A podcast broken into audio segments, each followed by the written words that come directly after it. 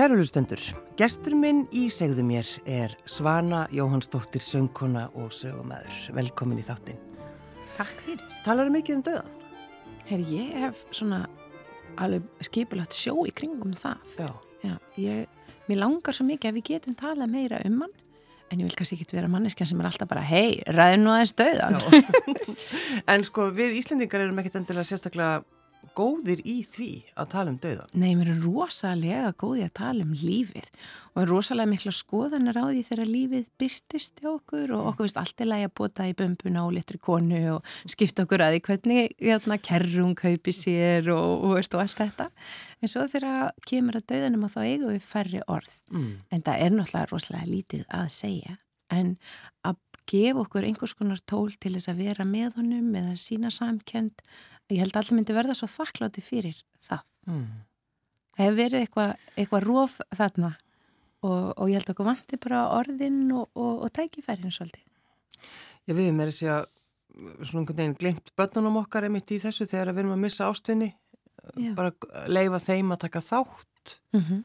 og svo leiðis Emitt En svo er það svo holdt fyrir okkur einmitt að hafa þau nálægt að því að þau gefa okkur svo oft sko einhverja einsinn sem okkur myndi aldrei þetta í hug mm þegar hérna, ég var að halda að gerða fyrir að þá voru börnum mín tvö með og um, það var svo skemmtilegt að hann Bjarni Prestur, hann er svo góður í að nálgast hópin sinn og hann var að segja eitthvað svona já og svo voru hérna fóreldrarni voru þarna og börnin voru í sveitinni hjá ömmu og afa og komu svo heimsóttu fóreldra sína með helgar og þá Og, það er svo þrungin stund og allir er svo leiðir og með tárin og skjálfandi næstu því og svo segir dótti mín við nákvæmlega þetta nákvæmlega þarna, hún segir já og svo fórum við að fengum okkur hambúrgara þú veist, og bara öll jára fyrir springur og hlátri og allir bara já, það gerðu þau. Einmitt, nákvæmlega, sem er svo stórkostlegt. Já.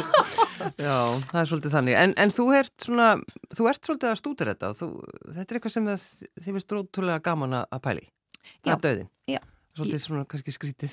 Svolítið skrítið, einmitt, og þú sér því að mér hérna í, í gulum leðjöka og bleikum kjól og já, já, já, ég er náttúrulega, maður pælir í, í döðunum að því að mann þykir vænt um lífið mm. og mann þykir sárt að sjá fólk þjást og mann finnst sárt að sjá fólk eða erfitt að eiga samskipti hvort við annað. Uh, við sem sagt, uh, ég og maðurinn minn missum lítið barn, uh, mánaði gamalt þegar við byggum út á spáni og þá er alltaf bara hræðilegur harmleikur sem að hefur ofbóðslega mikil áhrif á mann. Svona kemur hann óvart í rauninu hvað sorgin sest mikið í líkamann. Eltinu fekk ég ofnami fyrir alls konar mat og ég held bara að ég væri að fara í kur en hérna já þú veist þannig að fyrir ekki þannig að fór ég út fyrir efni en það er bara, sorgin hefur svo mikil áhrif á mann og maður svona kannski bara fattar það ekki alveg nákvæmlega hvað er út af af hverju. Mm. en af því við vorum svona langt í burtu þá þetta eitthvað svo óraunverulegt fyrir alla sem að þekkt okkur á Íslandi. Þannig er þau á búið á spáni. Já og við sem sagt lagði þessna, ég lagði mikið upp úr því að skrifa á Facebook svolítið mikið og hafa svolítið langar þú veist, heyri, þetta er það sem við erum að gangi núna núna er þessi tími í ferlinu núna vitum við ekkert eða núna er komið í ljós og, og hafum það svolítið mörg orð af því að ég vildi ekki, fyrsta lagi þegar ég kemi aftur til Íslands að fólk held ég að ég væri svo sama að ég var ekki svo sama mm. og ég vildi að fólk geti komið tímin og sagt hérna, heyrðu, ég lasi þetta þarna sambandi við þetta mm. og hérna, ah, djúvill ára þart eða þú veist, oh, að því að ef að þau vissi ekki neitt þá er svo erfitt að byrja, þá er svo erfitt að koma og segja, heyrðu, ég veit ekki neitt, segja mér allt. Mm. og þá ertu svolítið að ganga á manneskuna sem er í sorg. En þú veist pínulítið þá er auðveldara að eiga samskipti, alveg eins og er auðveldara að byrja að tala við vinkunina heldur en einhvern okkurna og ég er svona í framhald að þessu fór ég svona svolítið að skoða býtu hver, hverjir gera þetta öðru sem við, hverjir kunna þetta, hverjir bara leggja upp úr þessu og það vildi svo skemmtilega til að ég eignaðist alveg bara stórkoslega vinkonu, Kristínu uh, sem ég hitti á, á valsreitnum þegar við vorum báða með strákar okkar í fókbalta og hún er frá Mexiko uppálega og, og ég gætt spurt hana allt Kristína, hvernig er þetta? Kristína, hvernig er maturinn? Kristína, hvernig er tónlistin? Og hvað í alverðinu gerir þetta svona? Og þá kendur mér svo mikið um það hvernig tátíð þeirra í Mexiko, dagur hín að döðu, að uh, hvað er mikið fjölskyldahátíð. Ég hef alveg sé myndirnar á einhverju hauskupur og eitthvað og ég, ég er svona, mér finnst þetta pínu ekki aðlandi en svo þegar ég fór að heyra innihaldi sem er það að öll fjölskyldan sapnast saman, uh, þau eru að undibúa það er verið að skreita, það er verið að elda, það er verið að segja hluti eins og æ, amma verður nú ána með að við verðum að baka þessa smákökur núna eða eigum við nú ekki bara að skála fyrir að vægi upp álsti kílaðinu mm. við séum í rauninu, tökum okkur svolítið tíma til að vera í huganum með fólkin okkar sem er liðið og gefa okkur tíma sem hópur til að tala um það ekki bara svona ég sé alltaf að, að rauli þér ef ég sé nokkuð spælt verið einhvern sem fór heldur séum við bara svona saman að vera í þeirri orgu mm. Og róleheitin og upplifinnin og skreitingarnar og undirbúningurinn tengdi ég svo mikið við sko í rauninu jól okkar Íslendinga. Það eru ekkert margir sem eiga jól eins og við, sem eru róleg, sem eru inn og við, sem eru fjölskyldan, sem eru tenging. Það er aðeins meiri parti í flestan löndu sem ég hef komið til og, og ég, ég var alltaf vorkend hinnum að ég ekki jóli svo við þó ég sem að nú eru ekki allir sem að fatta það en, jötna, en þarna sá ég eina hefð sem ég segi ok, þeir gera þarna eitthvað eins og við gerum og mikið er það fallegt að við höfum fullt að tækifærum allt árið til að hittast og, og knúsast og gleyðjast og hlæja en það sé allavega eitt pláss til að gráta Já, en á þessum tíma, þú, þú, þið eruð á spáni mm -hmm. þannig að þú þartu þetta að nota Facebook bara til þess að tala og, og tjáðið um þetta mm -hmm. eh, Vissur að hann væri veikur þegar hann fæðist hann, hann garpur? Ég vissi það alveg bara frá miðri meðgangunni og er svona alveg heiðarleg. Fyrst við sitjum hérna svona að miðnætti. Að þá eiginlega vissi ég það að hann myndi fara. Já. Mér finnst þess að mér hafi verið sagt það að ofan án þess að ég sé sjálflega skegn en ég hafi verið vel undibúin. Eh, Samkvæmt læknuna þátt þetta verið alltaf læg, hann þurfti bara að fara í tværa aðgerra áður en það er þið tvítugur og mm. hugsaðlega ekki vinna sprettlöpið á olimpíuleikonum en annars bara vera nokkuð gott sko. Þannig að þá fer maður í svona einhverjar svona nafla skoðunum sko hvað, ok, ég fekk að sé skilabóð hérna, er ég að vinna með þau eða er ég að vinna með það sem að, þú veist, auðvitað vil ég vera í ákvæðileginu, auðvitað vil ég halda banninu mínu. Hérna, En þú vissir, það var eitthvað Og ég held, í rauninni bara, ég er rauninni mjög þakklátt fyrir það, af því þá var það ekki þú veist, þá var það bara sorg en það var það ekki áfall jafn mikið, Nei. held ég Talaður um þetta? Varst að segja fólki frá þessu? Nei, ég tala ekki mikið um þetta Nei. Ég segi ekkit frá þessu, bara, ég bara segi þér þetta Já, takk Já Hvað hefði Garpur verið orðin gammal? Heyrðu, hann Sama. hefði orðið hérna sex ára um daginn og það er alltaf svolítið áhugavert ég, hérna, dagur hinn að dauðu uh, hann er akkurat sérst inn á þessum eina lilla mánuði sem hann livði mm. þannig að þetta er minn mánuður á, á hérna, árinu til að aðeins svona minnum á, fara inn á við uh, muna þá það sem áttum saman. Uh, kemur tíma til að vera rosalega þakklátt. Ég er, er rosa mikið í þakkláttinu hvernig degi en þetta er svona auka. Mm. Uh, gefa manni aðeins svona séns og að já bara gera litur en pínlítið öðruvísi drekka kaffist aðeins hægar kannski En það er ekki svolítið gott Það er svo það gott. Er gott En sko svona viðskiptafræðingur með master í nýsköpunarlist Já Þetta er alveg rosalegur titill Sko, af hverju fórst í viðskiptafræðina? Um, ég held ég að velja bara... Ég ætla ekki að spyrja af hverju fórst í listina. Það Nei, er það er auðlust. uh, ég held að ég haf bara alltaf vilja geta, sko, borið ábyrð á sjálfur mér og mér var svo leðilegt hvað er rauninni, mér finnst það þetta að rigna pinningum með flesta listamenn sem er að gera flotta hluti. En einhvern veginn í samfélagin okkar í dag þá er það ekki alveg þannig. Og ég ætlaði að svona, mér fannst það maður, ef maður geti slefti að vera listamæður þá ætti maður að gera það. Maður gæti slefti já, maður gæti slefti og þú veist, þú sérði alveg fullt af listamanni sem bara geta ekki slefti eða þetta er mhm. ekkert val fyrir þau. Nei, nei. þetta er bara yfir tekur þannig ég prófaði rosalega margt og ég hugsaði fyrst sko, ég gæti kannski orðið svona pródusent og bara komið verkefnum á stað og, og bara verið skipilega manneskjan í Excel og eitthvað.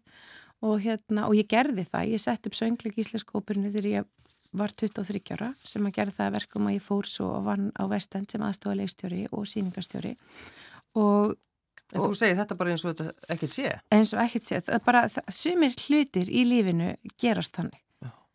Sumt hefur maður rosalega mikið fyrir.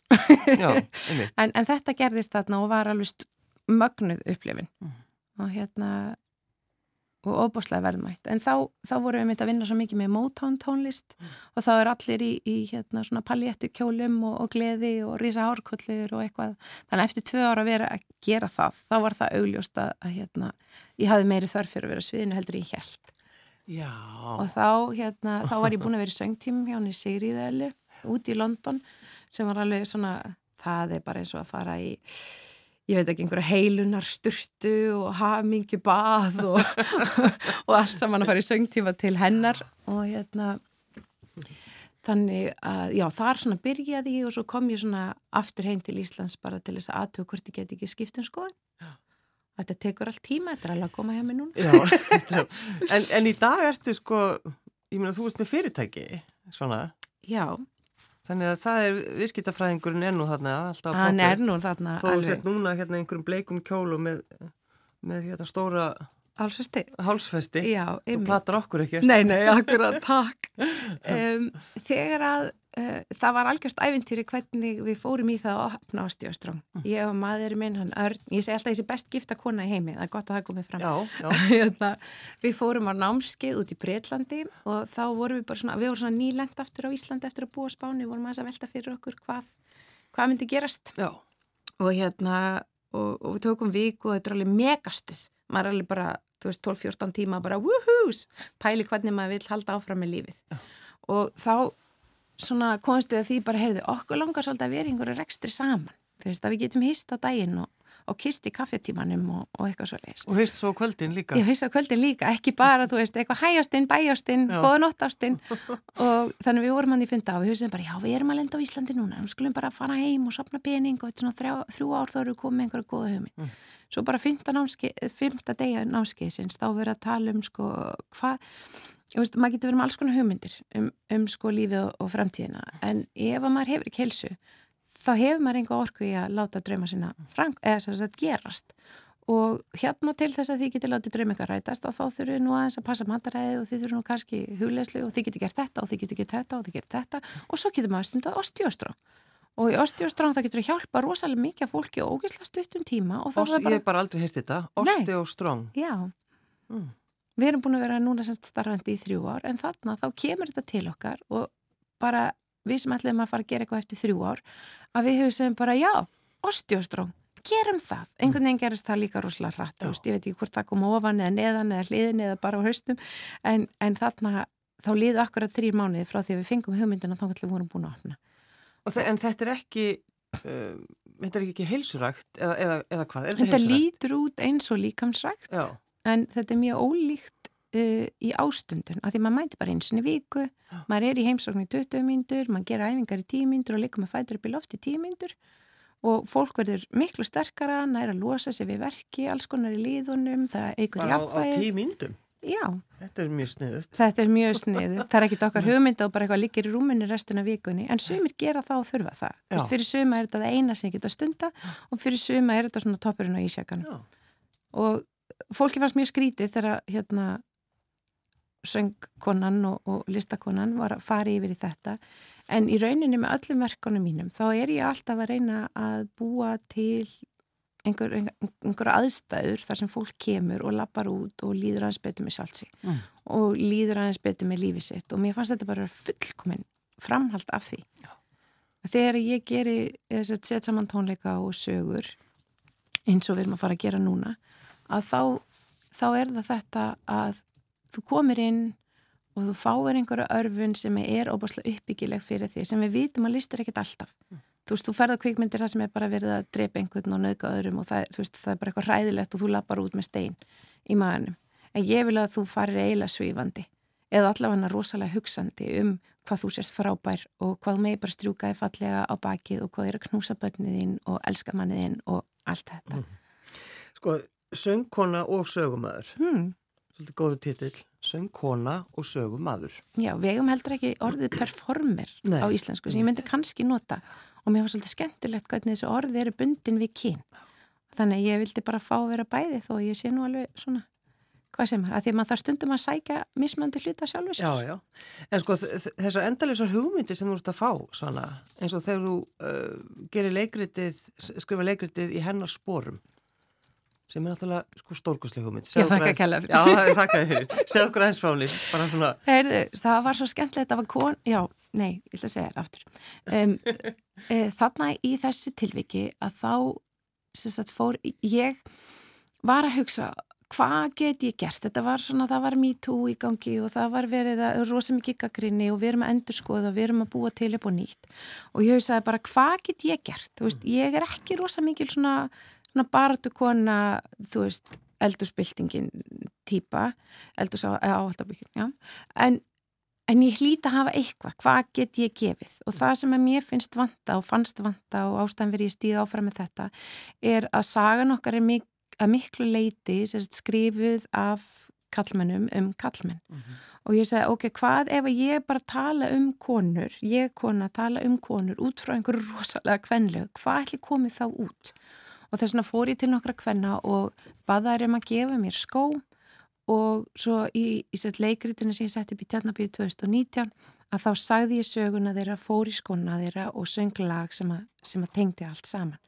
Og ég held kannski ég fengi einhverju svona rómansögur og, og, og einhverju svona, þú veist, krútisögur en það var svo skemmtilegt þegar þú gefur konum tækifæri til að segja sögur af sjálfur sér að þá kemur bara hérna eru skotni mínir og hérna var ég negla. Já, og þær eru svo töff og þær eru svo æðislegar. Og hérna og þarna voru sögur af Herdísi Egilsdóttir og einu Hugrúni Kronkrón og að Vítísi Fumboðdóttir og maður svo gaman sérstaklega svona Halla Tómasar, hún var kennari minn í háskóla. Hún var eini kennari minn sem sá mig. Já, þú veist, það er svo magnað, þegar Já. einhver sér þig og það er svo verðmætt. Og ég fór til hennar og fekk skóna hennar og hérna hún bara eitthvað, já, ég kaupi alltaf íslenska hönnun þegar ég er að fara að koma fram í útlöndum og hérna eru krónkrónskotnir sem að ég keifti þegar að hérna ég er til að koma fram á fyrsta TED-talkinu mínu. Og maður bara, óh, það er svo töff. Bara, wow, og svo gaman að fá þetta tækifæri til að sjá bara fákvæður aðeinslegar og svo skemmtilegt þegar ég fer svona stað að sapna þessum konum að það er alltaf einhver tengingar millið þeirra. Þú veist, eins og ég segi sögu að hugrunu sem að hefur hérna, hanna alla þessa skó já, já. og svo kemur Halla sem kaupir skónennar og, og hérna, já, þetta allt tengist eitthvað svo dásalega. Mm. En sko, mér er skemmtilegt að þú segir þetta við mig að því að mér finnst ég svona, mér finnst ég svona föndrari og mér finnst ég aldrei fá hugmyndir. Nei, já, Þú já. mér finnst þetta rosalega mikið vandræðilegt Æ, hvað hún ég er Svan er svona svo mikið ófrjó. dútlari, já. bara, það er maður bara að fá eina hugmynd á ári, sko. Ég vildi maður geti bara fengið hugmyndir og það myndi svo gerast að því að framkvæmta hlutin er miklu, miklu, miklu flóknari Já, og á einhvern nátt er ég þar svo þakklátt fyrir uh, bæði fyrir að hvernig ég er alveg upp maður láta hlutin að gerast og líka viðskiptafræði námið sem Mm. að þú veist að þá getur enginn sagt við mig eitthvað, heyrðu, þú ert nú bara einhver listakona og hættu þú þessu hérna eitthvað það gaf mér svona einhver stimpil sem að ekki dendla allir þurfa en það gaf mér enna stimpil sem að fekk mig til að vera aðeins beitni í bakinu þegar ég væri að tala um þessa hluti. En afiðin, hann benti þér á að það væri bara algjör vittlis að fara út í listin að vera leik, leikkona. Það væri, það, það ætti hún svana litla ekki að gera. Ég, ég var einmitt að hugsa aftur bara, sá hann aldrei Pretty Woman? Þú veist, viss hann ekki um Julia Roberts? Nákvæmlega, en hann hérna, ég fekk þegar ég var áttara að því að Herdi Seilstóttir var kennari minn að leika í stundinu okkar og leik þar á móti hérna, heiðrunu Bakmann og, og mér þótti þess að verðmætt þar að ég held að þeim tíma hafa hún verið eina fræga mannskjan sem ég vissi að vera til.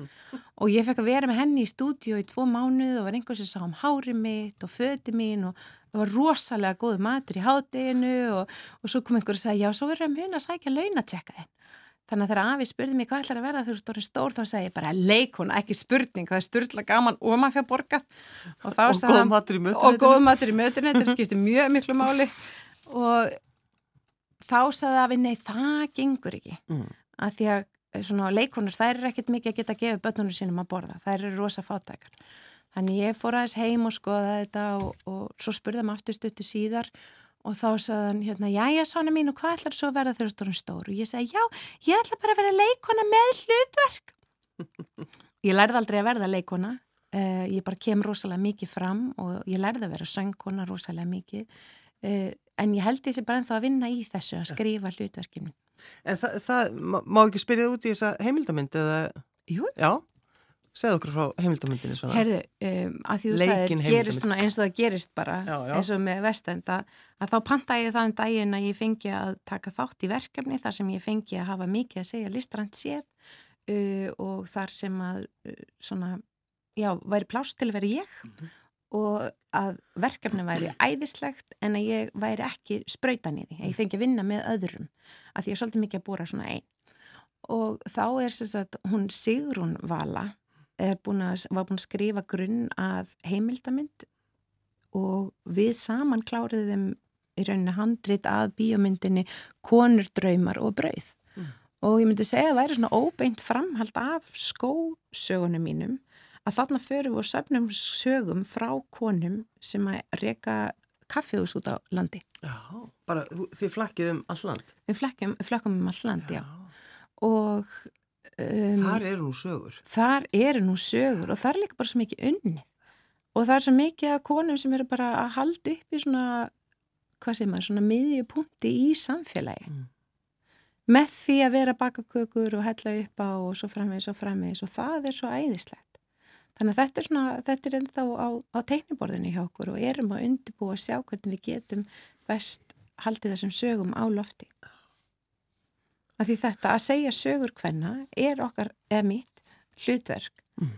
uh, að einhverju leiti af því það er svona það sem vantar í sögun okkar. Já, mikilvægt. Það er mikilvægt. Já.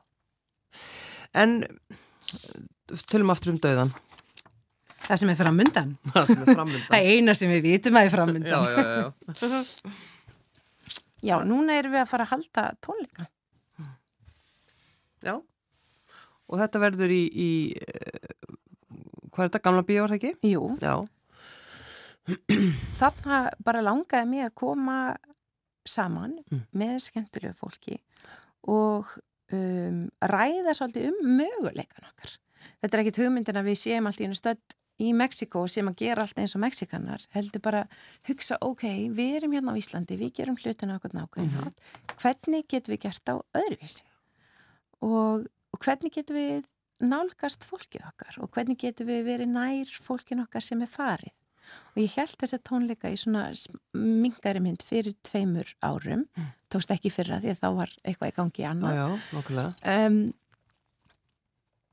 en þá þóttum ég svo væntum að þegar við vorum aðeins búin að setjast niður við vorum búin að syngja lögin og við vorum búin að fara yfir hvernig aðri gera hlutina að þá kom fólk til mín áhörundur og sögðu hluti eins og viðstu ég var að hugsa þetta, akkur sest ég ekki bara aðeins niður og kveikja kjarti fyrir mömmu?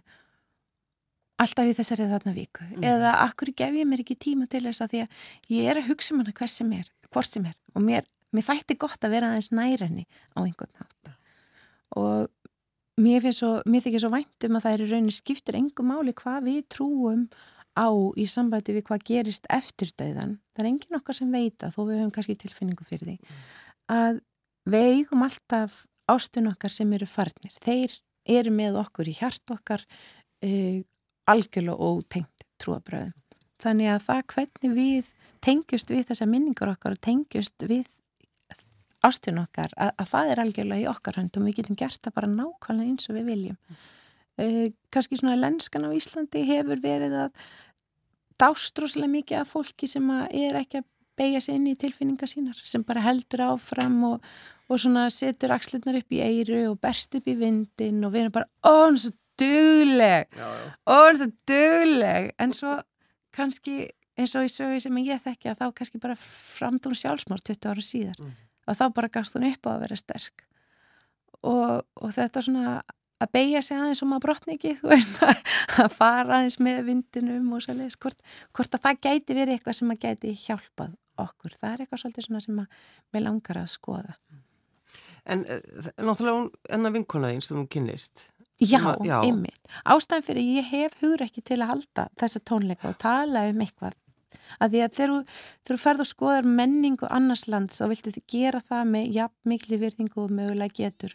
Og Mexiko hefur svolítið lengt í því að það hefur verið svona þetta er bara eitthvað, ei, fjesta, andali, andali eitthvað svona, þú veist, eins og þetta sé ekki alvöru, eins og þetta sé einhver stereotýpa eða -hmm. tegnumynd eða eitthvað svo leiðis og að fara inn í svona samtafa af alvöru og af virðingu við menninguna, það skiptir mér rosalega miklu máli og ég var svo heppin í eignaðist vinkonu á Íslandi eh, sem heitir Kristínu og hún er frá Mexiko og hún er búin að, hún í rauninu fyrstu tónleikana heldur við saman, þá sáum hún um skreitingarnar og það var það mikið vinkona verk og um, og þá allt sem ég þurfti að spyrjum, allt sem að var óskýrt að þá segi bara Kristína, hvernig gerum við þetta? Kristína, hvernig gerum við þetta? Og þeir eru hérna, þú veist þetta að lífa brosandi til að deyja glöð þeir eru svo rosalega góðir í því. Þetta er líka svo, þetta er svo góð pæling. Þetta er svo góð pæling, maður segir, dótti mín, hún kom til mín um daginn, hún segi, mamma, akkur erum við aldrei að djamma og ég fikk alveg svona slag fyrir hjarta, hún er 11 ára, hva, hvaðnar hefur þú eiginlega djamma, hvað ert eiginlega að tala um, ekki segja neinum þetta. Og, og hún segi, nei, mannstu, að því að mexikósku vinnur okkar eru fluttir úr landinu mannstu þegar við vorum alltaf að fara til þeirra og við hittumst kannski kláðan fjögur og lögadegi og allir bara byrjuði að saksa græmiti og, og, og, og steiki kjötið og vanda sig og gera saman og skemmtilegt og eitthvað og svo tónlist og við vorum kannski að dansa, þú veist pínlítið svona eins og bara típiskri mexikoskri bíómynd og hérna við erum ekkert að gera það lengur mm. að því við áttum það með þeim þessi mexikosku vinum okkar þannig að, að þá fannst mér það svo verðmætt að sjá hvað hún sá líka virðið í þessu að allir kemur saman, að það væri mismöndi fjölskyldur, væri pínulítil tónlist, að væri hægt að reyfa þess að sem ég aðminnar og vera þess öðruvísi heldur en sko hverstagurinn. Akkur eru við hægt að djamma? Akkur eru við hægt að djamma? Ég bara, ekki segja þetta við neitt. en já, þetta er náttúrulega svo ótrúlega, ótrúlega pælingar, en þið fóruð er það ekki að til Mexiko, þannig að þú, þú hefur svona upplifað þessa stemningu eða hvað? Já, alltaf þegar ég held tónleika eða tala um eitthvað efni sem skiptir mig miklu móli þá fer ég fyrir eitthvað langt í að í, rannsaka er ekki alveg rétt orðin, kannski bara upplifa það Já. og um, við fórum til Mexiko til þess að ég væri bara alveg vissi að ég væri að segja rétt frá. Mm. að fá þess að svitna í Mexiko, að fá borða í Mexiko að fá að vera innanum, þetta er enda rosastort land og, og mörg fylki þannig ég á eftir að fara aftur og aftur og aftur. En ég þurfti að því að halda til þess að. En, en það var bara rosalega verðmætt ferðalag líka börst mm. sér frá öllu hinn og búslega gaman og gott að vera. Þannig að þú ætlar rauninni að segja sögur og syngja fyrir fólk og syngja fyrir fólk ah. og skreita rosalega mikið. Það er rosalega lítið minimalist við mig sem er ástæðan fyrir að sem ég spyrir mig bara hvaðan komstu? Ertu frá Íslandi? Hvað fættist eiginlega? Uh, þannig að við ætlum að tróðfylla það fínar ég. Ég er með ofbóðslega gott fólk með mér, ég er með frábæra hljómsveit og kona sem heitir Erla Lillendal að hún er að skreita allt hjá okkur og hún er bara stórkoslega listakona. Svo hérna ætlar Ölgerðin hún ætlar að koma hann að bjóða upp á einhverja ný hannaða koktela fyrir kvöldið af því það var alltaf svolítið málíka fyrir mig allt sem að er, þú veist, tengist Mexiko sem okkur finnst ekki smart að við náum einhvern veginn að sjá hvaða er smart. Og, og tequila er eitthvað svona sem að kannski fólk þú veist, drakk þeirra var átjónara ótæpilega og ætlar aldrei að drekka aftur en fattar ekki að er í rauninu bara betur en allt annað sem er til í fínskapnum Já, já, þá, þá vitum við það Já, bara að þú veist, á allan hátt eitthvað sem okkur finnst einhvern veginn ekki vera menning sem að er þú veist, merkilegri eða svona hvað sem er upphafnari heldur mm. en næsta að við sjáum fegurðina í henn og kunnum virkilega með hana og, og búum ekki til brandara úr henni Nei, já, einmitt. En svo náttúrulega músíkin músikin, músikin er stórkostleg mm. og það sem er svo skemmtlegt fyrir mig að þetta er hérna dagur hinn á döð og það sem við gerum á deg hinn á döð er að vera með minnjast þess sem að fólk nöyt þegar mm. það var lifandi og þannig að ég hefur þess að frjálsar hendur, þetta er ekki eins og þegar heldur jólatónleika að vera að hafa jólatónlist heldur getur bara verið hérna uh, upp á slag Hakim Frænda eða uppáhaldslag þessa eða þessi söngkona sem að fjall frá og við söknum svo mikið. Og um, þannig að lögin geta verið alls konar og e, eru, eru bara svona hlutir sem að kveika í mér og eru frá Mexiko mm. og það er söngkona sem heitir Chavela Vargas hún er eitthvað ekki frá Mexiko en hún fórðanga til þess að fá að vera verða listakona. Og það er sagt að hún hefði hérna dáið með orðunum ég degi með Mexiko í hjartanu Engin hérna, dramatík. Engin dramatík. Það er, er rosa mikið dramatík í kringum mig. Já. Ég var eins og í söngskólanum og þá var kennarinn minn sem spurði bara Svana mín, eh, kanntu enga arju þar sem einhver er annarkvort að deyja eða alveg hérna nýbúin að deyja eða fara að deyja eða eitthvað svona og, og ég komst að því að svo var ekki. En það er þetta með tilfinningarnar að, að fá að upplifa alvöru tilfinningar og vera í þeim og segja frá þeim og, og njóta. Sko, þú, þú talar sko, þú ert ófeimin einmitt að tala um þetta, um, um tilfinningar. Rosalega, já, ekkert. Já, ekkert vandamál við það eða svona, hvað sem er, ég sé ekkert aðtöðurt við það Nei. að skella upp úr hérna fyrir fram að því og ég, mér þetta heldur ekkert skrítið ef við verum að tala um eitthvað sem skiptir máli og myndir renna niður tár niður Já, hérna kinnina mína. Mér finnst það bara eðlilegt og gott. Ég skil alveg, það verður ekki að alla sömu þörf og ég, það er líka allt í lagi, en það er líka þessuna sem ég fer upp á svið og ekki allir. já, akkurat. En er það, er það þá stundu þannig að fólk er bara svona, þegar þú ert mjög tilfinningarík, verður fólk svona þreytt á því eða hvað? Sko, ég held þess að þannig upp alin að það gerist ekkit mjög oft en Nei. auðvitað hlýtur að gerast einhver tíman fá ekki allir leið á einhverjum Jú, kannski. sumum fyrir að vera að ég held að það sé bara allt í lagi. Já, ég, hérna, þegar ég var að byrja í þessu öllu saman að ég sett í mastisnáminu mínu og þá var ég svo mikið upptekinn að því að ég væri að gera hluti sem að væri einhvern veginn uppliftandi fyrir fólk. Og hérna pínlítið svona í svona bjarga heiminum gýr sem er alltaf lægi að þá fór ég til Maggu Pálma sem að er, ég ætla að kalla hann læri móður mína, ég veit ekki, kalla hann bara mömmu tvö yfirleitt. Að ég sagði svona, já, mér langar að gera svona. Og, og Magga sagði náttúrulega, þú veist, orðin aðeins eldri ég, aðeins meiri insýn, aðeins meiri yfirsýn og hún segir svona, já, já, það er fínt hjá svona mín, en ef þú sérð mannesku upp á sviði sem að elskar sjálfan sig sem að elskar bingoöðana, sem að elskar undirhauguna, sem að elskar bara allt sem hún er og, og, og hérna ríkið hotnunum heimi á sér að því hún var að gera eitthvað sem er skemmtlegt fyrir eitthvað en að þrýfa manneskina sem að elskar sjálfa sig. Að þá er það bara svo gleðilegt að ferða gráta. Og eftir hún sagði þetta þá fór ég bara svolítið að vinna í þessu. Þess að Magga Palma hefur eiginlega bara alltaf rétt fyrir sér.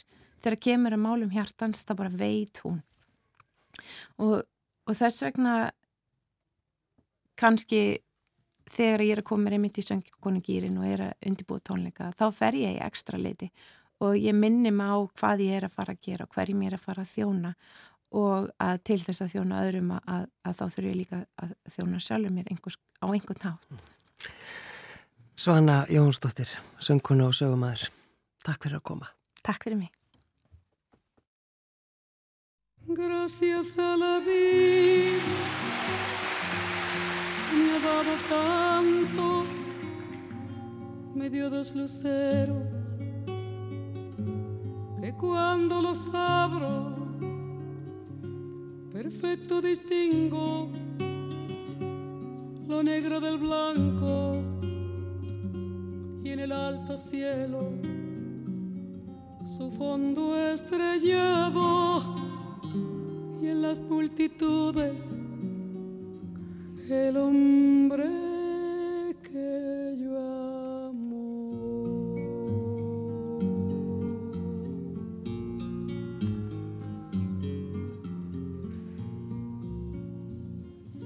Gracias a la vida que me ha dado tanto, me ha dado el sonido abecedario con las palabras que pienso y declaro. Madre, amigo, hermano, y luz alumbrando la ruta del alma del que estoy amando.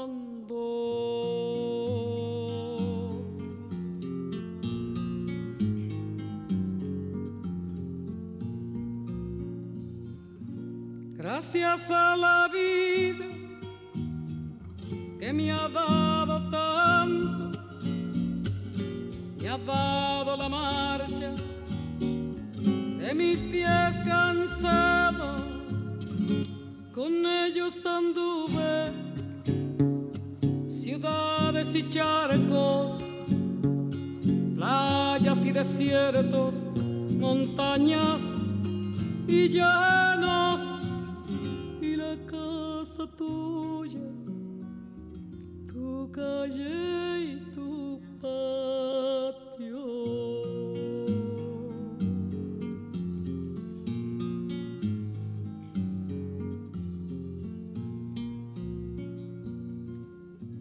Gracias a la vida que me ha dado tanto,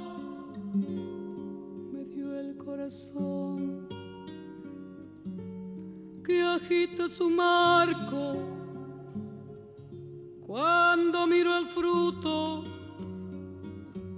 del cerebro humano,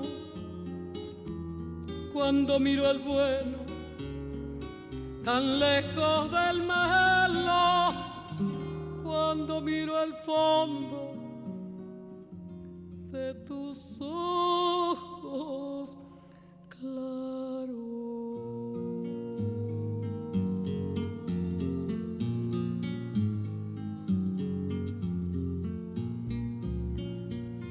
Gracias a la vida que me ha dado tanto, me ha dado la risa y me ha dado el llanto.